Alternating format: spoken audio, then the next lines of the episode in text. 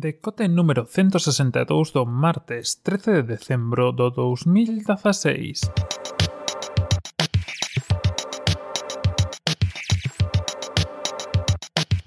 Bos días e benvidos a este novo decote hoxe martes e 13, día para supersticiosos, os que non o somos, pois aquí estamos o pedo cañón, lembrarvos, vamos a ser pesados, que tes aí os vídeos de Superhot, de onde, que podes dar o vosso feedback, e as vosas cousiñas, velos ante todo, e que tes a newsletter tamén aí na descripción para para apuntarse, que xa vin que vos fostes apuntando moi ben, sodes eh, uns mandados como debe ser. Dito isto, levo unha temporada, bueno, desde que falamos, non sei se vos lembrades as cámaras 360, dándolle voltas un pouco a este asunto sabedes que no mundo da tecnoloxía pois hai moitas eh, tecnoloxías, a que a redundancia, moitas innovacións que chegan a porto de ninguén. Supoño que moitos, que decir, para os máis vellos isto non é ninguna novedade, e sempre hubo aí loita pois cos tipos de do CD, cando saiu o CD, o DVD, cando saiu o DVD, ora o Blu-ray, co Blu-ray, eh, pois para os que son máis novos acordarase do boom das, das televisións 3D, que ahora xa non as hai. Ahora estamos co boom das 4K, aínda que non hai contido para ese tipo de, de televisión, polo menos agora. Eu lembro vos que os canais en HD admiten en 720, ni siquiera en 1080, así que aínda queda moito que loitar por aí, como para chegar a 4K. Claro que corre escalado, digamos, sí que, que poderías aproveitar un pouco. E o último do que falamos pois foron de cámaras e das cámaras 360 e un pouco o que vos contaba naquel momento era o tema de que lle falta un soporte máis universal que permita utilizala en calquer sitio. Non sei se vos lembrades, pero evidentemente pois que plataformas como Twitter ou que enviara por WhatsApp ou cosas así sella necesaria pasalas a un formato JPG ou PNG, é decir, de imaxe que non permita o 3D, eh, o 3D non, o 360, é dicir, utilizala de, de forma xeral, pois evidentemente eh, dificulta que isto se expanda. Pero eh, este non foi o único modelo, a única forma eh, de innovación no tema das imaxes que chegou a nós últimamente. Bueno, últimamente xa fais uns anillos.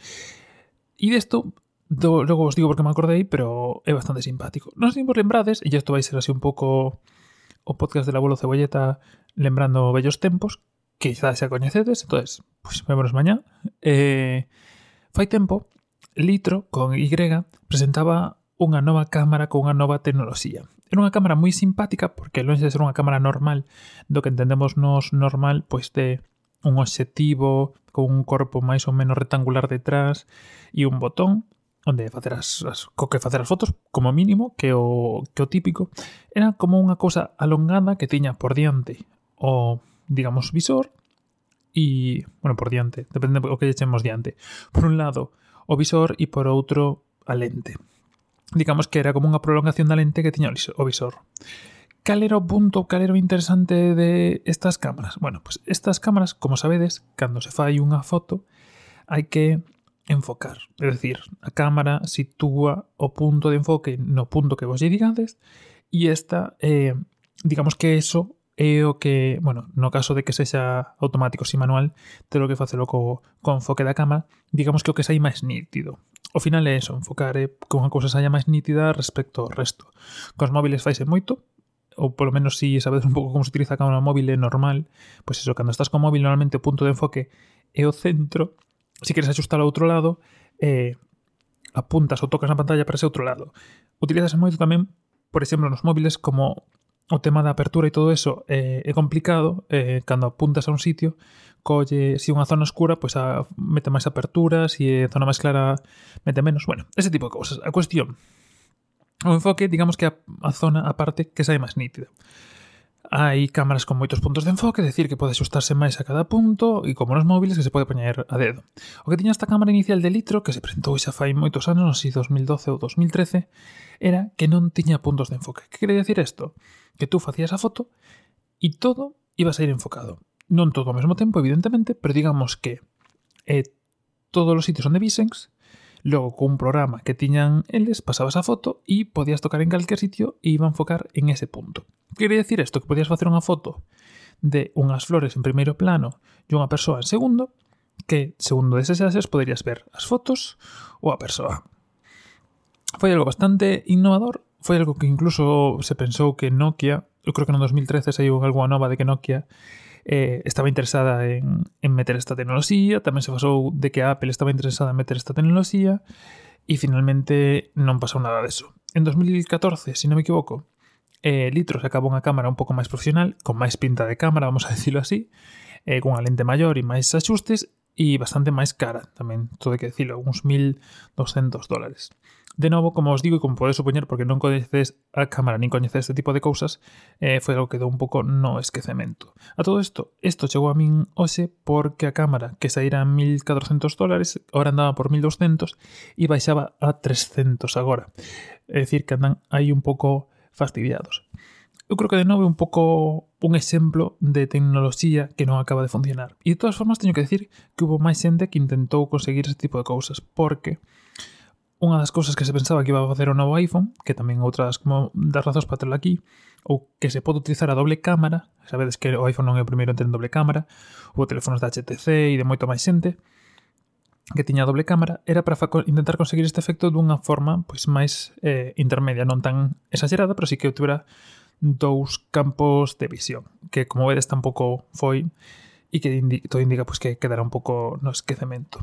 Como os digo, o litro sigue funcionando, litro con Y eh, sigue funcionando, sigue tendo esta cámara que vos digo que está rebasando 300 dólares agora, ten unha cámara de, digamos, de televisión, por decirlo así, e está sacando eh, un sistema que non teño moi claro, se que algún de vos sabe tamén que mo diga, que está centrado máis en vídeo 360, pero este xa non o teño tan claro.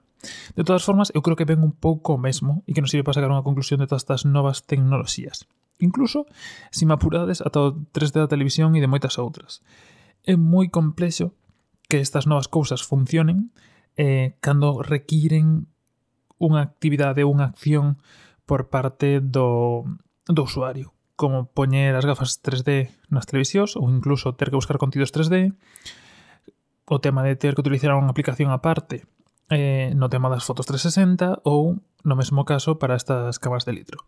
É bastante curioso, é un concepto que no seu momento teño que decir que sí que estivo aí como que iba a ser o seguinte, non acabo de, sur de, de surdir, non acabo de seguir a historia, pero bueno, bastante interesante.